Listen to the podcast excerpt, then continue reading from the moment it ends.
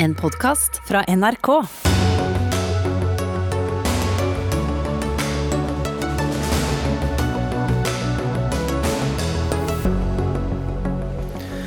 Årelang floke om klimakvoter kan være i ferd med å bli løst i Glasgow. Det tror klima- og miljøminister Espen Barth Eide, som leder forhandlingene.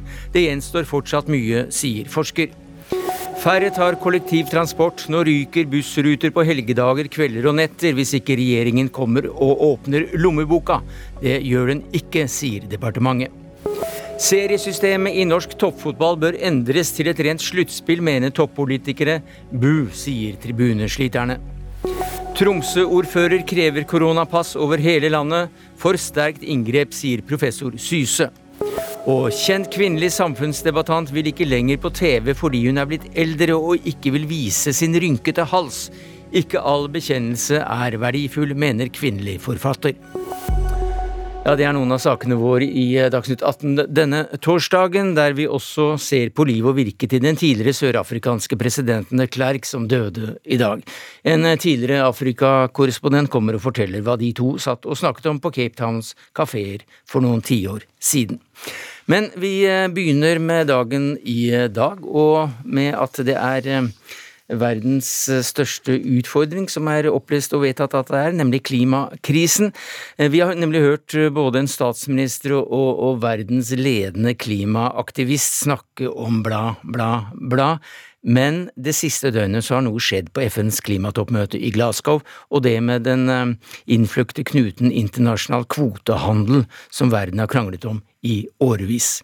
Singapore og Norges klima- og miljøminister Espen Barth Eide leder dette arbeidet, og reporter i Glasgow, Milana Knesevic, hva er det som har skjedd? Ja, nå har det siste, det siste døgnet vært en fremgang i denne eh, vanskelige dette vanskelige forhandlingspunktet som handler om kjøp og salg av klimakvoter mellom land, som eh, Norge og Singapore da har hatt ansvar for å, å, løse. Dette her har jo vært et utrolig vanskelig punkt for landet som de har kranglet om i mange år. Eh, og nå ligger det da eh, et forslag i alle fall på bordet. Ja, Hva slags forslag er det vi nå kan eh, ane at eh, kommer? Her gjelder det å holde tunga litt rett i munnen, for det her er litt kompliserte greier. Men eh, kort fortalt så handler det om at det, det nå legges frem eh, to grupper av, av, kvoter. Den ene eh, skal, det skal være en hovedkategori der man har da autoriserte kvoter som kan kjøpes eh, og selges, og da bidrar inn til eh, landenes klimamål, som de da melder inn til FN. Og så skal det være en annen gruppe av kvoter som, som det er mindre krav rundt, men som da heller ikke kan meldes inn Eh, i, som gjennom landenes klimamål da, til, eh, til, FN. Så er det også snakk om at man skal åpne for å kunne overføre noen av de gamle kvotene fra det gamle eh, kvotesystemet, som nå skal da erstattes. Og Hva sier statsråd Barth Eide om det som nå foreligger, og sjansen for å lykkes?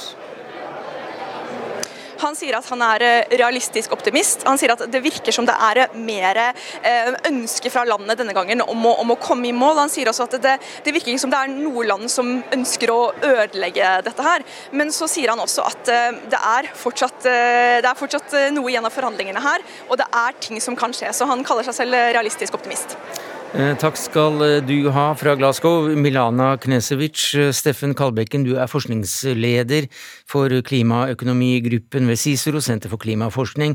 Og før vi skal forklare dette her litt nærmere, så, så hva tror du om, om sjansen for oss å komme nærmere mål i denne omgangen? Det er jo forsøkt to ganger før og mislyktes. Så på en måte står mye mer på spill nå. Det virker å være større forhandlingsvilje. Land som er skeptisk før, har nå signalisert det skal være fleksibel, så det ser bra ut. Men husk på én ting, og det er at man bruker å si for lenge at ingenting er ferdig før alt er ferdig. Så det kan godt hende at de blir enige egentlig om dette med kvotehandel, men så er de kanskje ikke enige om finansiering. Og da kan noen velge å blokkere for at de skal ha en enighet om en sånn samlende pakke. Så det ser bra ut, men det kan også komme ting inn litt fra sidelinja som allikevel eh, unngår dem fra å bli enige om dette. Men hva er da hele poenget med kvotehandel? Det viktigste poenget er at land skal være villig og ta sjansen på å ta på seg større utslippskutt. Et land som Japan for eksempel, har ganske tydelig sagt at de vil kjøpe en del kvoter. De tør da sette et mye mer ambisiøst mål for sine utslippskutt, fordi de vet at en del av det kan de innfri ved å betale for tiltak i andre land som kutter utslipp. Så det er bygd inn i systemet. For utviklingsland, på motsatt side av denne handelen, så er det mer sånn at hvis de vet det kommer finansiering fra et rikere land, så kan de gjennomføre større tiltak som kutter utslipp. Så det kan hjelpe med å øke ambisjonsnivået, altså øke hvor store kutt som kommer globalt. Men hvis vi dropper Japan, men ser på Norge også. Norge kan da slippe ut mer selv hvis de kjøper eller sponser et renseanlegg i Kenya? Det har vi gjort før. Det kan vi ikke lenger gjøre i dag. Vi har bundet oss til masta gjennom denne avtalen med EU om felles gjennomføring. Og EU godtar ikke at man kjøper kvoter fra utenfor det europeiske systemet. Så vi kan kjøpe kvoter fra andre europeiske land, det kan vi gjøre, i stedet for å, å kutte utslipp sjøl. Men vi kan ikke foreløpig kjøpe kvoter fra andre land og bruke det for å oppfylle våre mål under Parisavtalen. Men Norge har andre mål der vi kan bruke de her kvotene. Ja, Hva er det da som er så vanskelig? Det er vanskelig at det har vært mange forslag på bordet, og noen av de utvanner effekten av dette. Poenget med kvotene er å gjøre det billigere å kutte utslipp, men du skal sikre at det er reelle utslippskutt. Noen av de forslagene de vil nok skape tvil, og kanskje det reelt også bety at det ikke er fullt så store utslippskutt som det det står på papiret. Så det handler om å få et regelverk som sikrer at det er helt reelle, faktiske utslippskutt som skjer. Eh, det forslaget som nå ligger på bordet, det sikrer det for den viktigste delen, de utslippene som er meldt inn til FN. Men så er det da som blir lagt fram, litt løsere krav til de kvotene som er ikke innbefatta i land sine nasjonale bidrag til underprisavtalen. Men eh, Det er mulig at det er jeg som er litt treig her, men, uh, men hva er da det nye nå i forhold til det som foreligger? Det nye er at de har en tekst som ligger på bordet. De har foreslått denne todelinga av systemet. For Opprinnelig så var det en fare for at man kunne svekke hele systemet dersom man utvannet gjennom regler som ikke sikra reelle utslippskutt. Nå har de på en måte forsøkt å isolere de, de smutthullene til en sånn sekundær del av systemet. Det er en litt spesiell løsning. Det gjenstår jo og se hvordan det vil fungere i praksis. Det, det, det, må vel en del mekanismer inn her som styrer dette? Ja da, det skal være systemet på plass. Det skal være rapportering, verifisering gjennom mm. FN-systemet. Det er mange krav som stilles. Og husk, dette er ikke vedtatt ennå. Dette er forslag på bordet, og det forslaget som ligger der, har også mange ting der landene helt tydelig ikke er enige ennå. Det står en såkalt klammeparentes. Det betyr at ikke alle stiller seg bak det forslaget ennå. Så som, som vanlig så, så, blir man kanskje enige om de enklere tingene først, og så skyver de vanskelige foran seg? Til en viss grad. Men når det gjelder det her nye såkalte bærekraftige utviklingsmekanismen, så er det et veldig detaljert forslag. Det er mye helt konkrete ting som ligger der. Også de fortsatt enige om noen, uenige om noen få vanskelige ting. Men veldig mye ligger på bordet nå og er klart til å vedtas. Hvor viktig er dette? Det er viktig for at land skal én, være villig til å ta på seg større utslippskutt, og to, hvis man først har kvotehandel, så det er viktig å være sikker på at det blir til reelle kutt, og at det ikke er noe slags smutthull eller noe tvil om at det faktisk kutter utslipp. Når er det vi får vite om eh, dette her blir gjennomført eller blir vedtatt eller ikke? Får nok vite når eh, forhandlingsmøtet er over. Det skal, når er det? Nei, Ifølge kalenderen så er det vel klokka seks på fredag, men det har brukt å strekke seg ut til alt mellom fredag kveld og søndag formiddag før de faktisk er der. Ja, men slå på Dagsnytt 18 i morgen, så er vi i hvert fall kanskje noe nærmere. Takk skal du ha, Steffen Kalbekken, forskningsleder for klimaøkonomgruppen ved CICERO, Senter for klimaforskning.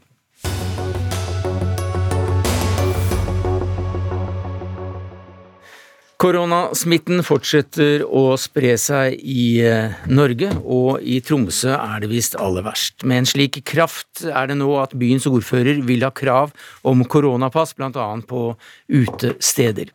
Tromsø kan gjerne være pilot for en slik ordning, sier du Gunnar Wilhelmsen som ordfører i Tromsø for Arbeiderpartiet. Hvorfor mener du dette er nødvendig?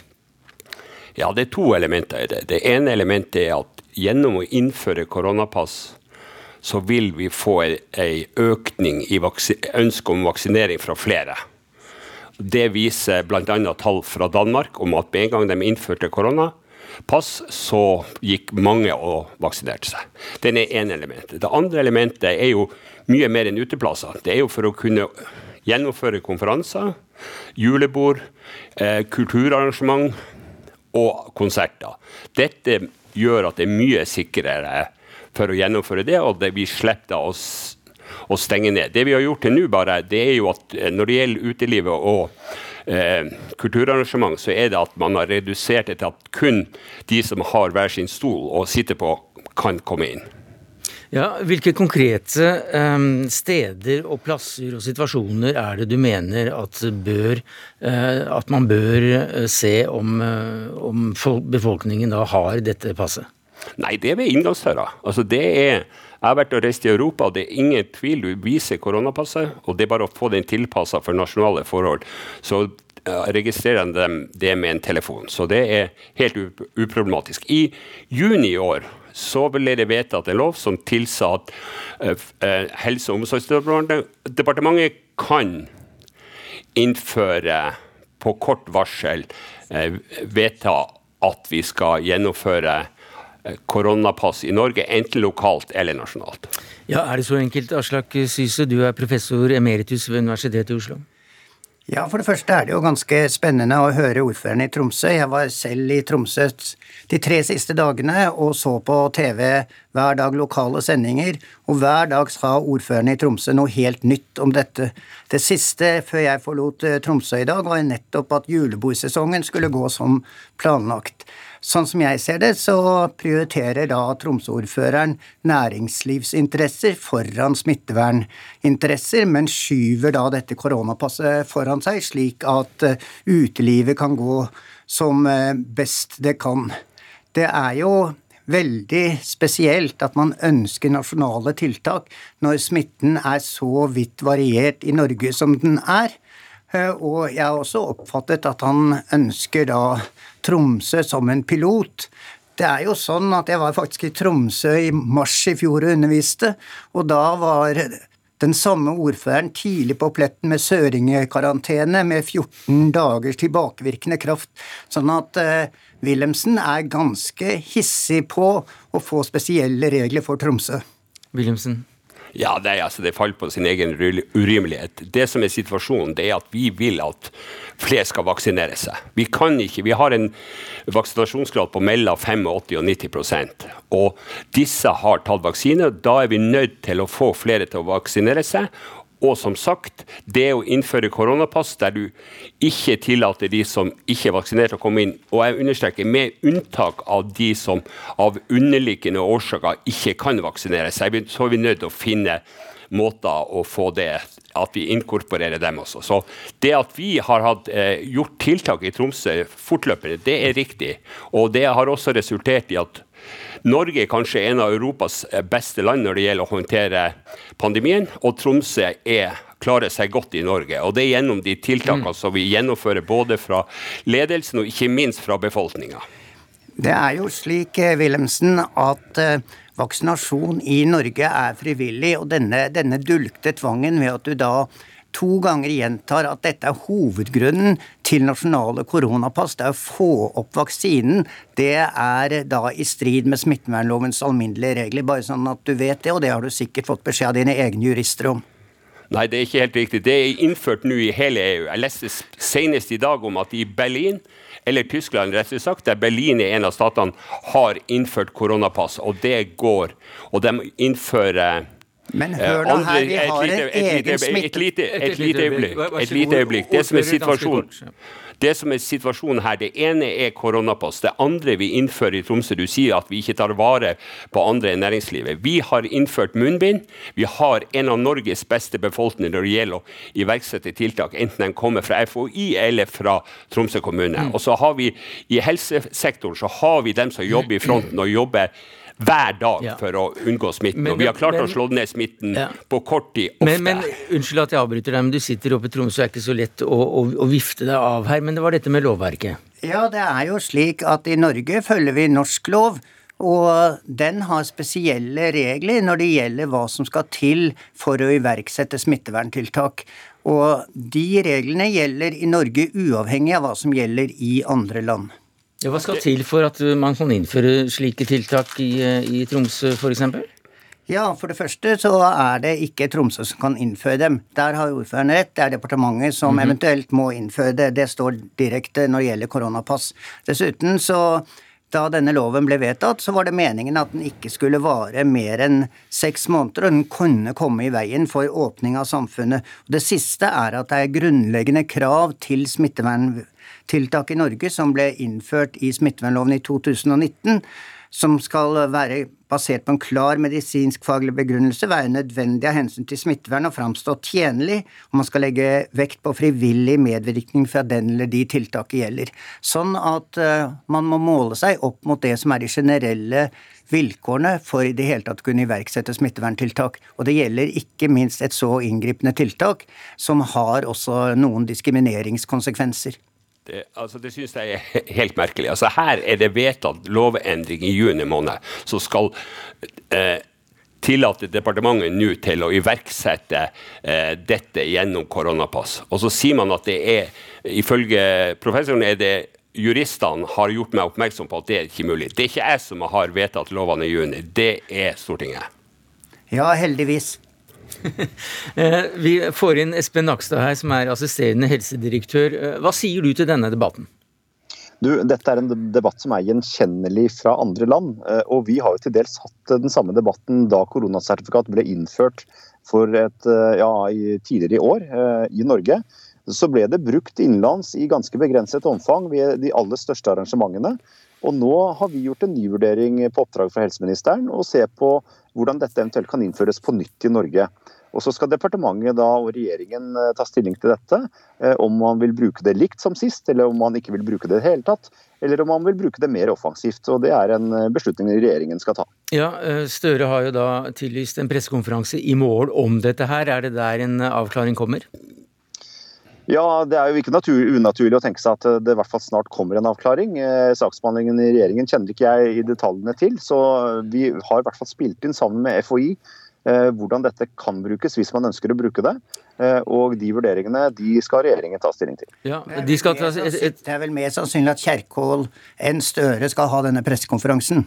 Ja, det var i hvert fall Støre som sto på papiret her, sånn at uh, det får nå så være.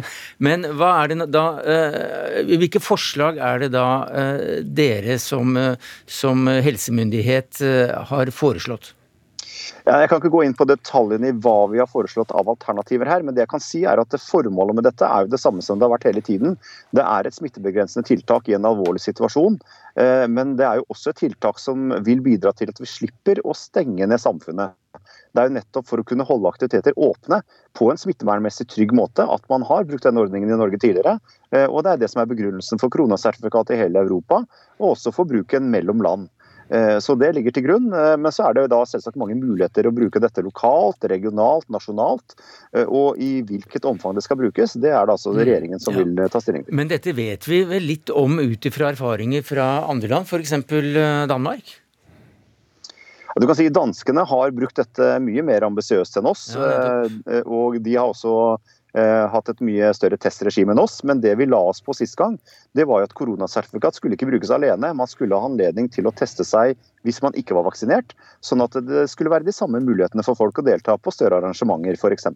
Hva vil du si eh, om, om Tromsø-ordførerens ønske om å innføre lokale tiltak og departementets eventuelle godkjenning av noe slikt? Du, Det har vært eh, litt eh, flere saker dere har diskutert. egentlig. Når det gjelder akkurat koronasertifikat, så tror jeg vi skal vente eh, på regjeringens beslutning om det. Når det gjelder da de lokale tiltakene i Tromsø, som jo er anbefalt av FHI som en tiltakspakke, og som vi også har stilt oss bak, så er det klart at det er en situasjon i Tromsø nå som krever mer enn det det kreves noen andre steder. Også Men så har, vi sett, så har vi sett det samme i, Tromsø, unnskyld, i Trondheim og i Bergen også. Og, og, Det som ble sagt i Trondheim i går for eksempel, fra ordføreren, var jo nettopp at de så at etterlevelsen ble bedre de antar i hvert fall det, når det blir påbud og ikke bare frivillig å bruke munnbind ved trengsel f.eks. Men kan det bli aktuelt å innføre tiltak eh, over hele landet, eller vil dere peke ut eh, spesielle kommuner? Ja, Her har vi eh, også gitt anbefaling til regjeringen både når det gjelder system på grensene og dette med hele TISK-apparatet, som vi kaller det, og også andre smittevernmessig forsterkende tiltak. Men det som er viktig å huske på her, er at det er jo ikke snakk om nedstengningstiltak. Dette er jo snakk om smittevernråd og hvordan man kan styrke smittevernet og hindre smittespre ytterligere smittespredning i Norge i denne situasjonen. Sånn at De tiltakene som ligger på bordet, det er jo tiltak vi er kjent med fra før, og som til en viss grad allerede brukes f.eks. i Tromsø, Trondheim og i mm. Bergen. Og så får vi se da hva regjeringen sier om nasjonal og lokal bruk i tiden framover. Aslak Syse sitter og nikker her i studio. Jeg vet ikke om du nikker i Tromsø, Gunnar Wilhelmsen? Nei, altså jeg er jo helt enig med Nakstad. Vi har, eh, vi har hatt et fantastisk forhold til FHI og til direktoratet. Og når vi da eh, iverksette tiltakene, så er det jo ikke for at Tromsø isolert har bestemt det. Det er jo gjennom å konferere med fagmyndighetene nasjonalt. Jeg klarer ikke å forholde meg en random professor som skal fortelle meg hvordan vi skal gjøre det. Vi forholder oss til FHI og, og til til direktoratet. og Det har vært så langt veldig vellykket, både for Tromsø og for landet for øvrig. Da får vi la den randomme eh, professoren få siste ord her. Ja, nei, men jeg bare tar det Wilhelmsen sier til etterretning. Jeg bare sier at jeg har sittet og sett ham på TV tre dager på rad hvor han har sagt ulike ting hver dag, og ulike ting i dag. Og sånn er det livet. Takk skal du ha, Aslak Syse, professor emeritus ved Universitetet i Oslo, til Espen Nakstad, assisterende helsedirektør, og Gunnar Wilhelmsen, ordfører i Tromsø for Arbeiderpartiet.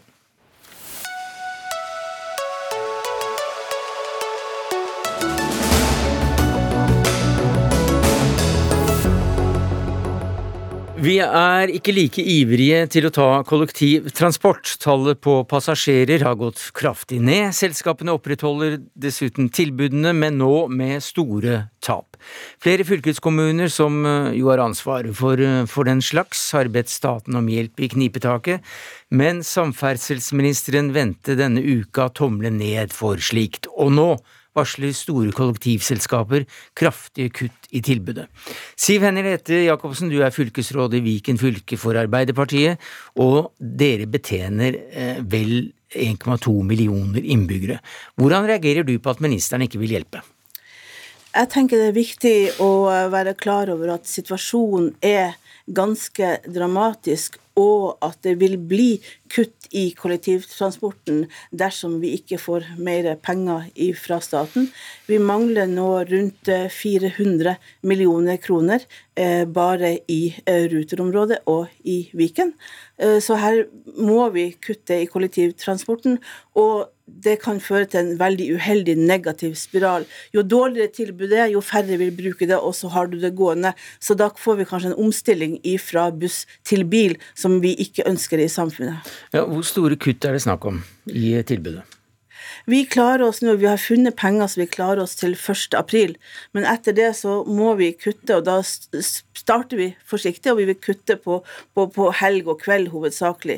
Litt av utfordringa i Viken, kanskje i tillegg til Oslo, da, som er jo det bynære området, men Viken er jo stort, og det vil kanskje gå utover distriktene. Og der er jo tilbudet dårlig fra før av. Så hvis det går én til to busser om dagen, og det blir kutt, så vil det merkes veldig mye, særlig ute i distriktene.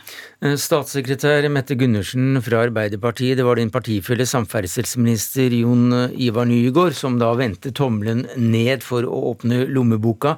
Eh, men når du hører hvor store konsekvenser dette da får, hva sier mm. du? Nei, vi, I likhet med den forrige regjeringa, så fant ikke vi heller eh, midler til dette tiltaket nå. Men eh, vi lytter jo veldig til hva eh, fylkeskommunene og regionene sier. Og Vi, både før og etter vårt tilleggsbudsjett ble lagt frem. Men inntil videre så velger vi å, å ikke bevilge de ekstra halve milliarden det vel er snakk om, for 2022. Mm. Det handler jo om at vi er på vei tilbake til en normal, forhåpentligvis. Nå ser vi at det litt eh, beveger seg litt på smittesida akkurat nå. Eh, men, eh, men, vi er på vei tilbake til en normal, som nok også vil kreve omstilling både for kollektivselskapene, fylkeskommunene og passasjerene, mm. fordi vi har fått en litt annen arbeidshverdag for mange.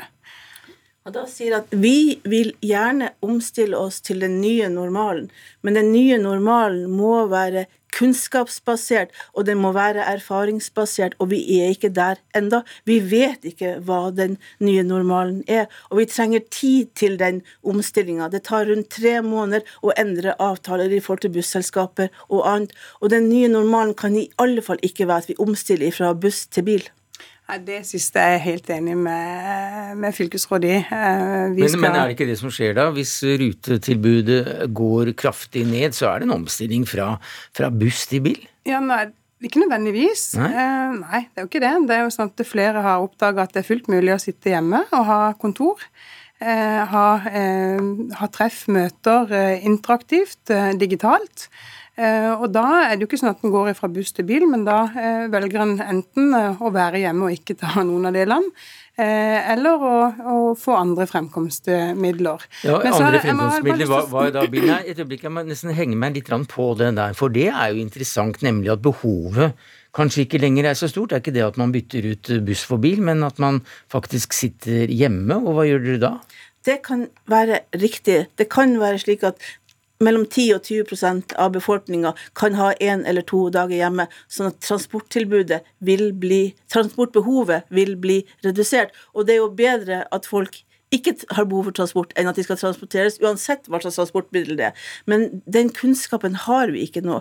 Vi, ikke, vi vet ikke hva behovet vil være, og vi har ikke hatt tid til å gjøre den omstillinga. Så det vi ber om, er at vi må få nok erfaring til å vite hva behovet vil være i framtida.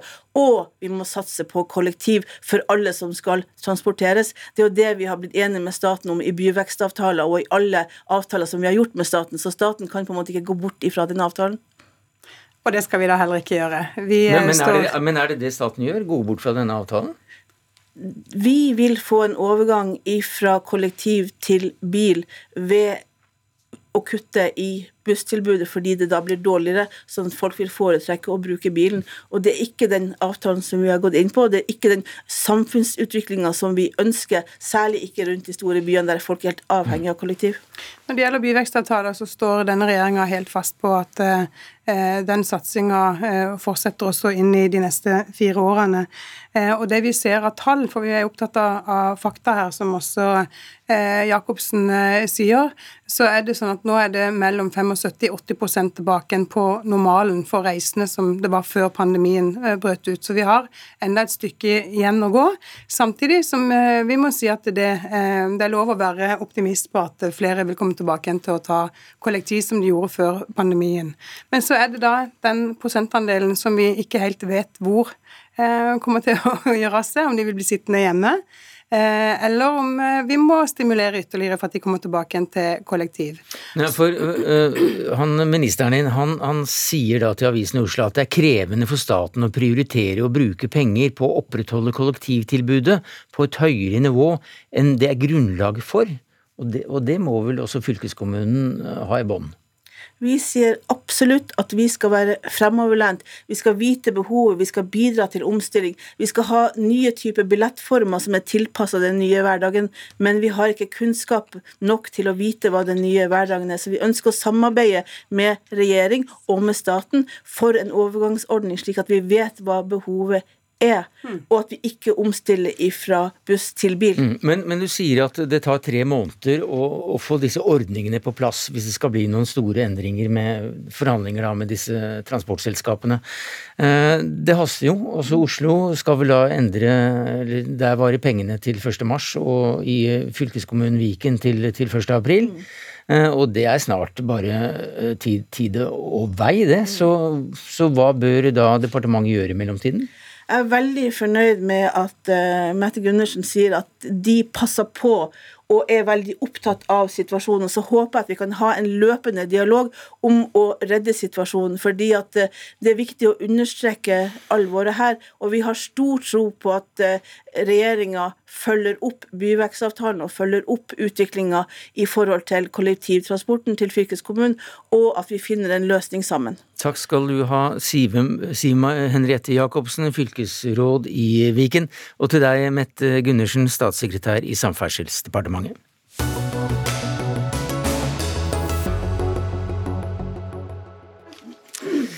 Ja, Søndag eh, kunne NRK avsløre at norsk toppfotball utreder endringer i ligasystemet og innføringen av sluttspill. Og debatten eh, kommer jo da selvfølgelig ganske raskt i gang, for eh, dersom sluttspillmodellen innføres, betyr det store forandringer sammenlignet med dagens system. Og Ole Kristian Sandvik, du er talsperson for Norsk supporterallianse, og dette synes dere er dumt. Hvorfor det? Uh, Sluttspill er et eh, helt uh, håpløst, uh, en håpløs forslag fra klubbene. Og jeg håper jo egentlig vi kan bli enige om å bare legge det helt bort. noe av det fine med dagens eh, system er at eh, det er veldig rettferdig. Alle lag spiller én kamp hjemme og én kamp bort mot hverandre. De som er best i løpet av en sesong, de vinner, og de som er dårligst, rykker ned. Med en sluttspillsmodell så er det ikke nødvendigvis gitt at det beste laget faktisk vinner til slutt, eller at det dårligste laget rykker ned. Nei, og Hvorfor i all verden skal det ikke være beste laget som vinner, da, Leif Øverland? Du er administrerende direktør i norsk toppfotball, altså det vil si da interesseorganisasjonen til 32 klubber i Eliteserien og førstedivisjon for herrer.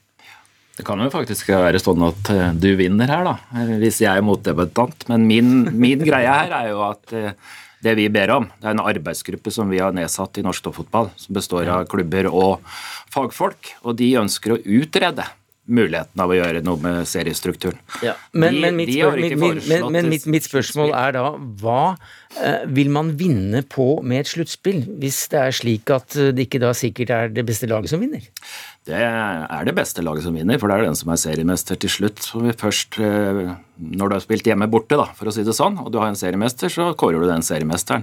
Men i tillegg så kan du da ha to grupper. Én gruppe på de beste lagene og en, lag, en, gruppe nederst, som da spiller om eh, nedrykk. Og den som vinner Så du kan vinne to ganger, da, for å si det sånn. Men poenget her er jo at i Norge så ligger vi på bånn i bånn på antall spilte kamper i løpet av en sesong.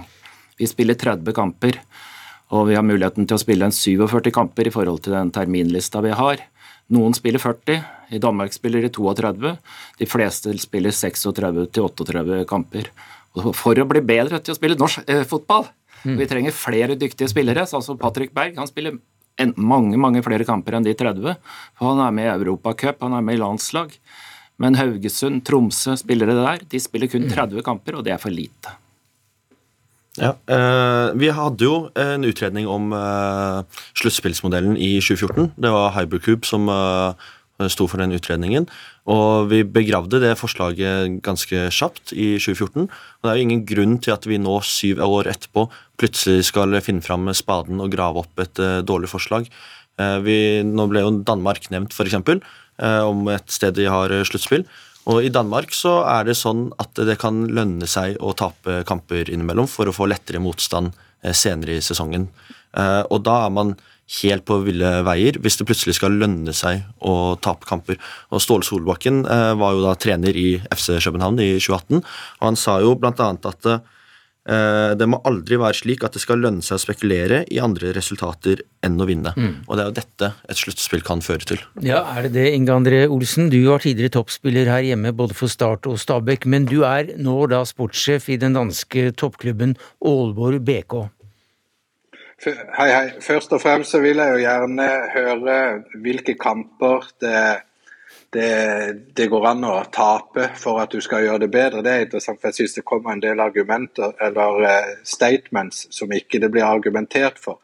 Altså Først og fremst, det beste laget som jeg kan snakke om i Danmark, de vinner ligaen. Når Midtjylland vinner ligaen i fjor, så er det det beste laget i Danmark. Når FCK har vunnet, så er de det beste laget. Jeg synes det er en interessant modell man har i Danmark med tanke på at det, du får interessante kamper hver eneste spillerunde. Det, det, det, det, er liten forskjell på om du kommer mesterskapssluttspill eller nedrykkssluttspill. Og du har alltid noe å spille for. Kommer du i et nedrykkssluttspill, så skal du selvfølgelig spille for å overleve, men du kan også vinne noe med en playoff inn til Europa, hvor du spiller mot en fjerdeplass. Så severdigheten av produktet syns jeg er bedre. Nå har jeg jo jobba i Norge i mange år og fått oppleve Danmark her i halvannet år. Så jeg, jeg, jeg syns det er fantastisk at norsk fotball tenker videre. Hvordan kan man utvikle produktet Eliteserien og Obos-ligaen til å få et mer severdig og kvalitetsmessig produkt. For, for det er ansvaret til sånn som Leif Øverland og de som sitter der, det er å gjøre det beste for norsk fotball. Og det syns jeg virkelig de gjør når de vil sette i gang denne utredningen. Mm. Eh, det konkrete eksempelet går på Sønderyske i 2018, som eh, nå husker jeg ikke om de tapte eller eh, slapp, de slapp inn et mål på slutten, hvor det mistenkes at de gjorde det litt med vilje for å havne i en enklere nedrykks, nedrykksgruppe senere. Men, men, så da til det andre, nemlig at det blir morsommere å følge med på, også for deg som uh, sjefssupporter, fordi at det alltid er noe å kjempe om. Altså, eh, jeg tror vi må liksom eh, finne løsninger på det som er reelle problemer, eh, og ikke finne sånn quick fix-løsninger på det som ikke oppleves som et problem. Dagens system har ganske høy legitimitet hos alle aktører. Spillere, trenere, supportere, media, og det er veldig lett å forstå for også de som ikke følger med på fotballen dag til dag. Og så må vi beholde det som er bra, og så kan vi begynne å se på ting som ikke er så bra i fotballen. Og jeg tror det er veldig få, hvis du går på gata og spør hva som er problemet med norsk fotball, så er det vel få som sier at det er seriesystemet som er problemet. Det er kanskje at de trener for dårlig, eller at det er for dårlig stemning på tribunen eller noe sånt vi heller bør ta tak i. Ja, jeg er helt enig. Vi må ta tak i spillerutvikling og trenerutvikling. Altså, Vi må ha kompetente trenere til ja, å trene er spillerne. Klart, men, det er veldig men, få som etterlyser et, et sluttspill. Det, det, det, er ikke noe folkekrav. Nei, absolutt ikke. Og det, vi skal lete etter marginer i, i, toppen. Altså Eliteidrett er marginer. Men du er ikke redd for at du skyver folk fra deg? Da? Altså Denne superligaen i Europa var jo ikke helt suksess. Er det, er en liten sånn Real Madrid-sportssjef du har i magen? Nei, absolutt ikke. Her er vi alene sammen med Sverige som ikke har sluttspill, eller modeller der vi spiller flere kamper. Ja, så tror, Premier League har vel ikke noe ja, Det er ikke sluttspill? Det? Ja, det er flere lag, sånn at de spiller flere kamper. Og i tillegg har de ligacupen, som vi ikke har. Vi kan jo, og kan jo hende utredningen ender med noe helt annet, mm. men det jeg håper Ole Kristian blir med på, og fans rundt der, er at vi får lov å utrede det. Og jeg håper at klubbene blir med på det. Jeg tror at uh, den store feilen i det oppslaget som starta det her, var at klubbene vil ha sluttspill. Det tror jeg ikke hvis vi bare hadde lagt fram det nå i dag. Så tror jeg kanskje at det var 50-50, men jeg håper at en utredning vil vise om dette er klokt for norsk fotball, for vi må utvikle norsk fotball. For vi er ikke så gode. Men vi hadde jo en utredning om sluttspill i 2014, eh, og vi begravde jo hele den diskusjonen da. Hva er det som denne utredningen nå skal komme fram til som vi ikke fant ut i 2014?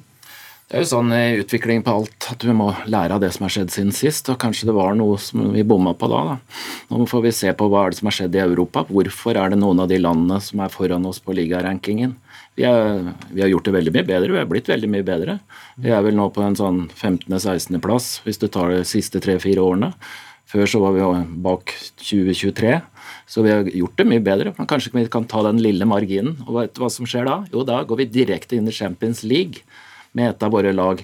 Og hvis vi kan komme opp dit, så vil det gjøre norsk fotball mye mer attraktiv. Flere vil gå og se på kampene våre. Og i sum så vil det gi bedre stemning og bedre spillere som blir attraktive for de store ligaene. Ja, uh, Hvordan ser det ut fra deg i Danmarks side, Inge André Olsen? Er det behovet for uh, mer spenning ved sluttspill, eller er det antall kamper som øker, som er hovedgevinsten? Det er ikke så mange flere kamper i Danmark. Det er 32 kamper i ligaen, og så er det jo en cup her også. Men, men, men, men jeg følger jo Leif veldig på det med at det, det, må en utredning. altså Selv om man gjorde det for syv år siden, så, så stopper ikke verden. Og, og fortsatt kan godt være den utredningen konkluderer med at norsk fotball er satt opp på en fantastisk god måte, at det ikke er noen forbedringer. Men, men da har man jo iallfall gjort jobben for å se på de små prosentene man eventuelt har en mulighet til å ta og så, så, er det, så er vel ikke svaret gitt på om, om, om, om man skal ha en type sluttspill eller skal fortsette med den ligastrukturen som man har i dag. Men det viktigste er å gjøre den jobben for å se om det kan gi en ekstra prosent til norsk fotball. For Man kan ikke konkurrere på pengene. Og Pengene styrer veldig mye i denne fotballverdenen, men da skylder man iallfall produkt norsk toppfotball og, og gjør alt man kan for å se på forskjellige muligheter, og så får konklusjonen komme på et tidspunkt i framtida. Jeg tror at Hvis vi skal gjøre norsk fotball bedre, så må vi eh, løse det som er reelle problemer. Vi må dyrke det som er bra med fotball, som norsk fotball, som er tilhørigheten og nærheten mellom eh, lokalsamfunnet og eh, spillerne. Vi må få bedre åpenbart treningsfasiliteter og kampfasiliteter. Og så kan jeg love deg at vi supportere kommer til å legge ned en ganske stor innsats for å hindre at det blir sluttspill. Bataljonen, som er Brann sin supportklubb, har sendt inn årsmøteforslag allerede i dag om at Brann skal gå mot uh, sluttspill. Og det kommer det til å skje i flere andre klubber også. Og måtte det beste laget fra Bodø vinne. Takk skal du ha, Ole Kristian Sandvik, talsperson for Norsk supportallianse, Leif Øverland, administrerende direktør i Norsk toppfotball, og til deg, Danmark, Inge André Olsen, sportssjef i Aalborg BK.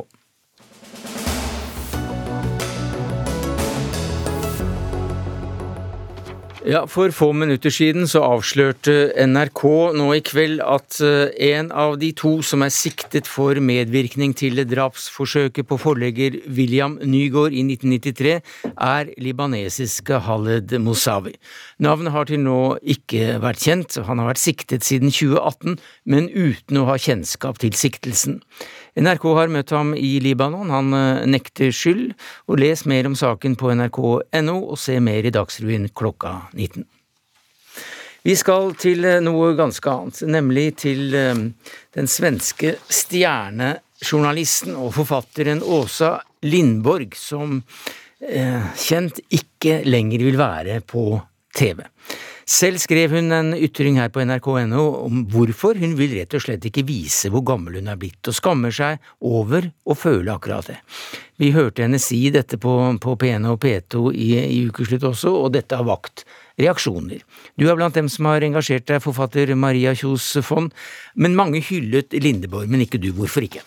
Eh, for meg så var det ganske nedstående med en så skarp og radikal eh, og for så vidt også pen samfunnsdebattant. Eh, nå er dette relevant, det bør ikke være det. Som, som, som skriver dette. Og uten å måte hun, Uten å sette det inn i en samfunnssammenheng i noe særlig grad. Det ble veldig personliggjort. Og det er nok gjort i beste hensikt, men jeg tror det gjerne kan virke litt mot sin hensikt. At at flere kvinner blir eh, på en måte enda mer bevisste på hvordan de ser ut og hvordan de fremstår. Eh, men på en positiv, positiv siden så har hun nå fått i gang debatt, da, og nå sitter vi her og diskuterer aldrende kvinner i mediene, så det, det er jo noe.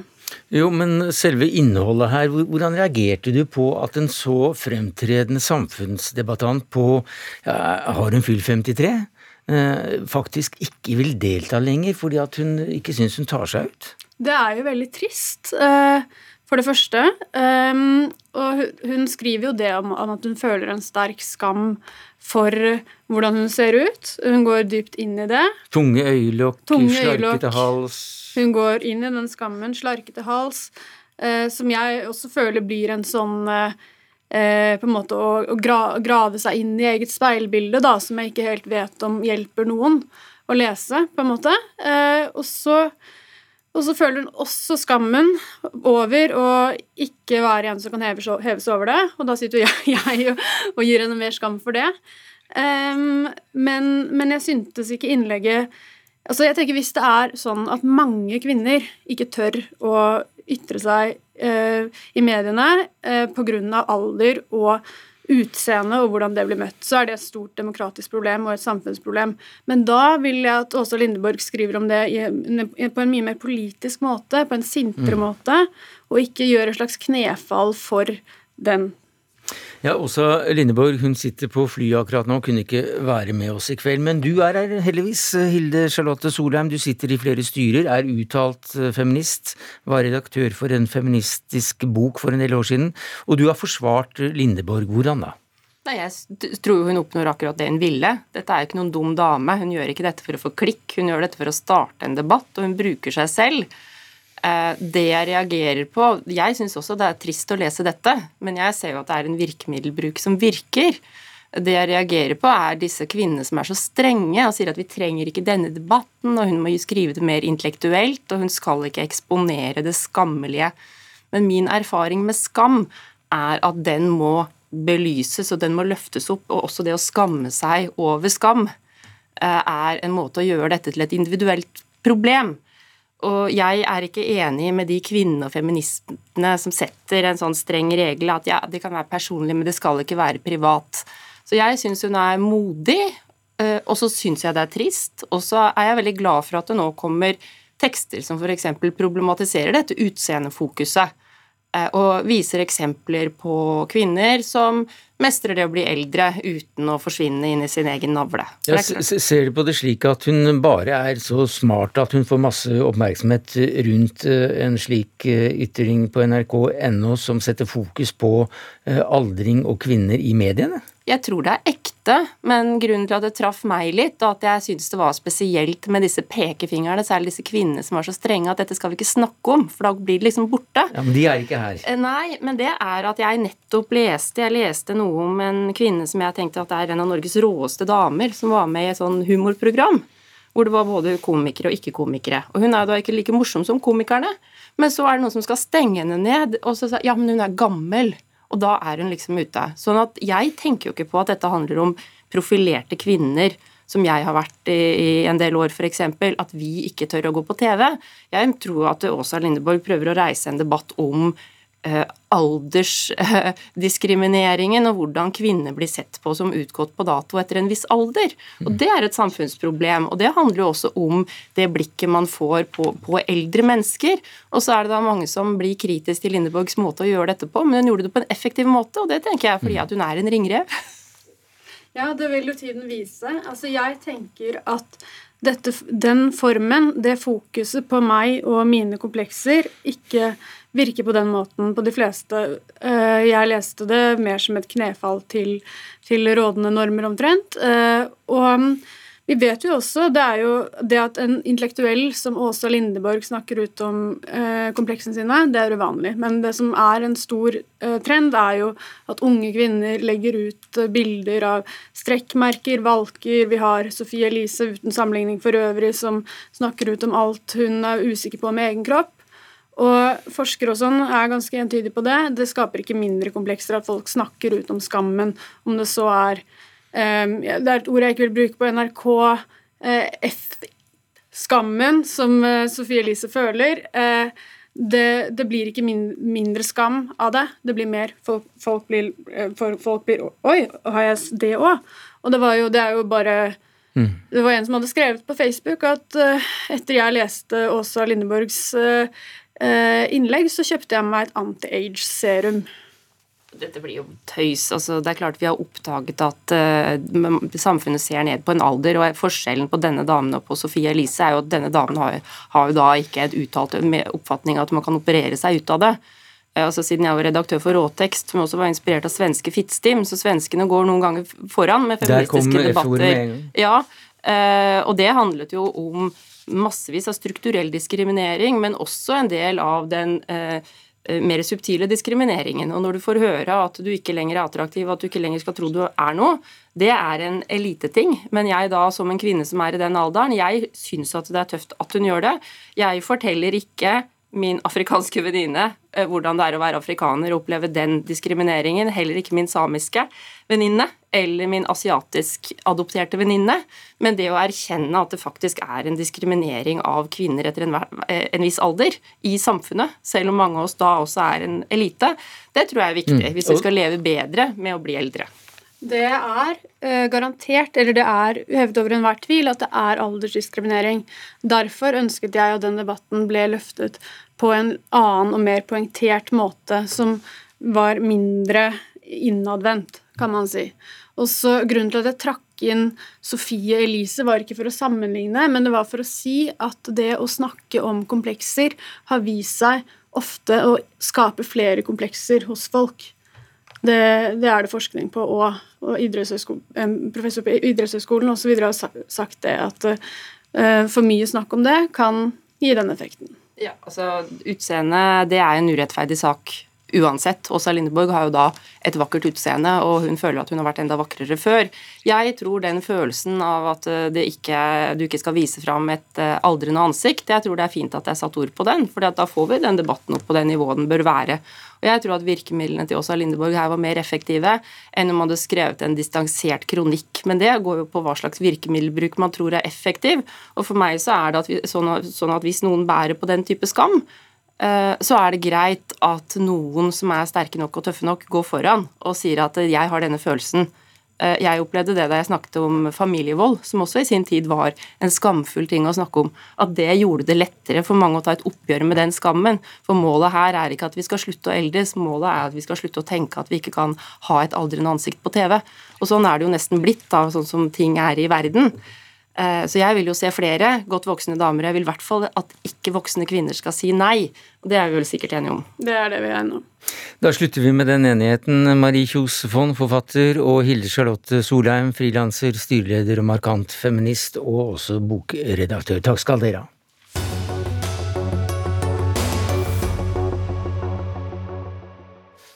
Ja, fredsprisvinner Fredrik Wilhelm de Klerk er død. Mannen som slapp Mandela fri, og som har fått mye av æren for at apartheid ble avviklet, sovner stille inn i sitt hjem i dag, ifølge de Klerk-stiftelsen. Og du er i Cape Town, du som vår Afrikakorrespondent Ida Titlestad Dalbakk. Hvordan er dødsbudskapet mottatt i hans hjemby? Ja, de Klerk eh, døde jo like i nærheten av her hvor jeg eh, befinner meg akkurat nå, i et område som heter eh, Fresnay. Og I dag så var det jo mye pressefolk til stede da det kom ut en hvit begravelsesbil med de Klerk da på hans siste tur ut av hjemmet sitt i dag, etter at dødsbudskapet kom. Og erkebiskop Desmond Tutu, som også bor i Cape Town, og som nå har blitt 90 år. Han kom jo med en uttalelse i dag sammen med kona, hvor han eh, sier at eh, de Klerk var en viktig person i en eh, kritisk og historisk tid her i Sør-Afrika, og at han viste stort mot da han samarbeidet med frigjøringsbevegelsen og gjorde det mulig å gå inn i en ny tid med et demokrati i landet, og, og sier i dag at de Klerk nå må få hvile i fred. Ja, Det er jo mange år siden han da var aktiv politiker. Hvordan vil han bli husket? Han vil bli husket eh, med ulike følelser her i Sør-Afrika, og det er et delt bilde av han, akkurat som Sør-Afrika er et svært delt samfunn 30 år etter apartheid. Det var jo eh, hvite sørafrikanere som mente at han ga fra seg landet eh, da det ble et demokrati. Samtidig så var det jo også svarte svarte som eh, har sett på ham med et kritisk eh, blikk, fordi at han eh, satt ved makten da mange svarte ble drept da i overgangen til et eh, demokrati. Men president Cyril Ramaphosa, som nå sitter ved makten, han hyllet de Klerk i dag og sa at han spilte en svært viktig rolle for Sør-Afrika på veien mot å bli et demokrati som det er i dag. Takk skal du ha, Ida Titlestad Dalbakk, vår kvinne i Cape Town. Tom Christiansen, du har også bodd her som tidligere Afrikakorrespondent for oss i NRK, og du traff de Klerk flere ganger. Hvilket inntrykk gjorde han? Han var en uh, sigarettrøykende, hard, konservativ mann, forretningsadvokat som ble politiker. Han fulgte regimet gjennom ti år før han ble president. Han var med på å gjøre undervisningen verre for de sorte elevene på skolen. Han passet på at de ikke fikk mer av helsebudsjettet enn de skulle ha, altså så lite som mulig. Men han var til stede akkurat da de trengte den mannen som kunne si at nok er nok. Og han kan roses for at han har sluttet å slå sin kone. Han kan roses for, som Mandela gjorde, at han satte en stopper for apartheid-regimet. Altså at dette samfunnet sluttet å drepe folk, og fikk innført noe som FN siden kalte for en uh, forbrytelse mot menneskeheten. Det skal han ha. Og, det, og, at han uh, sluttet å slå sin kone, det, det, var også da et bilde, bare for å understreke det. Uh, men uh, du traff han også personlig flere ganger? Ja, altså etter at han gikk av som president, så traff jeg han stadig vekk i Cape Town. Da satt han på en kafé, en restaurant, satt der med en croissant og en kaffe, og eh, jeg kunne gå bort til han og slå en prat. Han husket meg fra tidligere, mintes Oslo med stor begeistring eh, da han var her for å få fredsprisen ville gjerne diskutere litt sånn filosofiske spørsmål, men han var jo en gårsdagens mann. Han ville liksom diskutere om eh, apartheid kunne ha fungert. Ja. Og han mente jo lenge at eh, apartheid skulle forsvares moralsk fordi det var en god idé. Problemet var at det ikke virka. Og det som skjer, er at vil han beklage apartheid? Og han beklager ikke apartheid. Ikke før erkebiskop Desmond Tutu legger breisida til og spør kunne du ikke i det minste si beklager. Og jeg vil bare fortelle deg hva han svarte, og det står i en bok som jeg har skrevet sjøl, og da sier de Klerk Jeg ber om unnskyldning Til dere millioner av sørafrikanere som ble frarøvet og fradømt eget hjem, egen forretning og jord på grunn av tvangsforflytting. Dere som led den skam det er å bli arrestert for ikke å bære pass, og som gjennom år, århundrer, på det mest skammelige og ydmyke ble hindret fulle demokratiske rettigheter. I beg your pardon. Ja, Hvis ikke det er en beklagelse, så men du nevnte at han var med da å sette Mandela fri, og, og, var da en overgangsfigur mens det ble holdt frie valg i forhold til hva som hadde vært ført, og ga fra seg makten da til Mandela, som faktisk vant. Men du sier også at det var ikke nødvendigvis de Klerks idé å sette eh, Mandela fri, for det arbeidet var i full gang. Ja, altså det, På det tidspunktet han ble president, så hadde justisministeren hatt 40 møter med Nelson Mandela. Han var flyttet fra Robben Island og inn på landet, inn til et fengsel på landjorda for å ha enklere tilgang til han. De var i forhandlinger, og situasjonen denne gang var at Mandela lot seg ikke rykke. Han ville ikke løslates hvis ikke alle de andre fangene ble satt fri, alle partiene kunne jobbe fritt, osv. Men han hadde på et tidspunkt, før det berømte eh, møtet i den sørafrikanske nasjonalforsamlingen 2.2.1990, eh, ikke én, men to taler som han kunne velge mellom, og som han hadde i, i, i jakka si. Fortell om det. Han satt på hytta si i Hermanus, tolv mil utenfor Cape Town.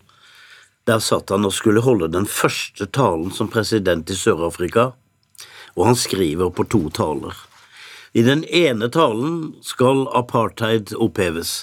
I den andre talen som han skriver, der skal det være et system hvor de svarte skal få det bedre, de fargede skal få det bedre, inderne skal få det bedre, og de hvite skal få det som de har hatt før. Og så, det, så går han til parlamentet 2. februar 1990 med de to talene. Hvilken skal han holde? Han tar seg et lite møte med de nærmeste rådgiverne, og så holder han den riktige talen. Apartheid skal avvikles, politiske fanger settes fri, partiene skal tillates, og mens han taler, så tømmes salen. Alle politikerne, de er jo alle hvite, de forlater rommet i protest, og til slutt så står han der og snakker til the speaker of the house. Det kalles mot. Ja, det kalles mot. Og det, han hadde det motet, og han ble kritisert resten av sitt liv for at han, eh, at han gjorde det. For folk i Sør-Afrika Jeg husker jo på den tiden hvite, hvite politikere sånn sånn Har du noen gang hørt om en, en, en president som gir fra seg makten ja, ikke bare makt, men gir fra seg hele landet. Nei, her kan det ikke være lenger. Men eh, nå da, etter sin død, hva slags ettermæle er, det han har fortjent? Historikerne vil finne og granske hans, uh, hans uh, resultat av det han gjorde i sitt liv. Folk, og, og mange vil si at han gjorde noen riktige, vanskelige valg.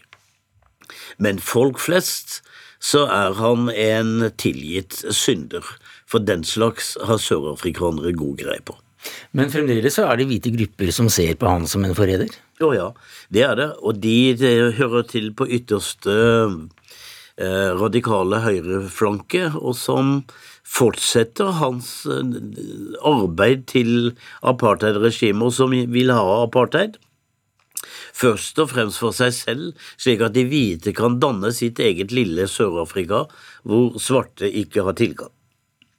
Vi kunne snakket om Sør-Afrikas fremtid, Tom Christiansen, men klokka er snart 18.59, og da er vårt program slutt. Men vi nevnte det at du traff han på ulike kafeer i Cape Town og spiste frokost sammen med han, eh, og han mintes Oslo med, med stor glede da han fikk nobelprisen, det var vel i 1993. Men han tok feil på et eh, punkt da han eh, ble ropt til. Han, eh, han, sa jo etterpå at han fikk ikke den samme oppmerksomhet som Mandela. Herregud, for noe tøys. Skulle han vente det? Men han fikk jo ikke med seg slagordene til ungdommen utenfor hotellværelset hans på Grand. Kverk de Klerk. Takk skal du ha, Tom Christiansen, forfatter og tidligere Afrikakorrespondent for NRK. Det var det vi rakk i Dagsnytt 18 denne torsdagen, takket være ansvarlig for det hele, Anne Katrine Førli. Teknisk ansvaret hadde Eli Kyrkjebø. Jeg heter Sverre Tom Rade. Vi høres og ses i morgen. Du har hørt en podkast fra NRK. Hør flere podkaster og din NRK-kanal i appen NRK Radio.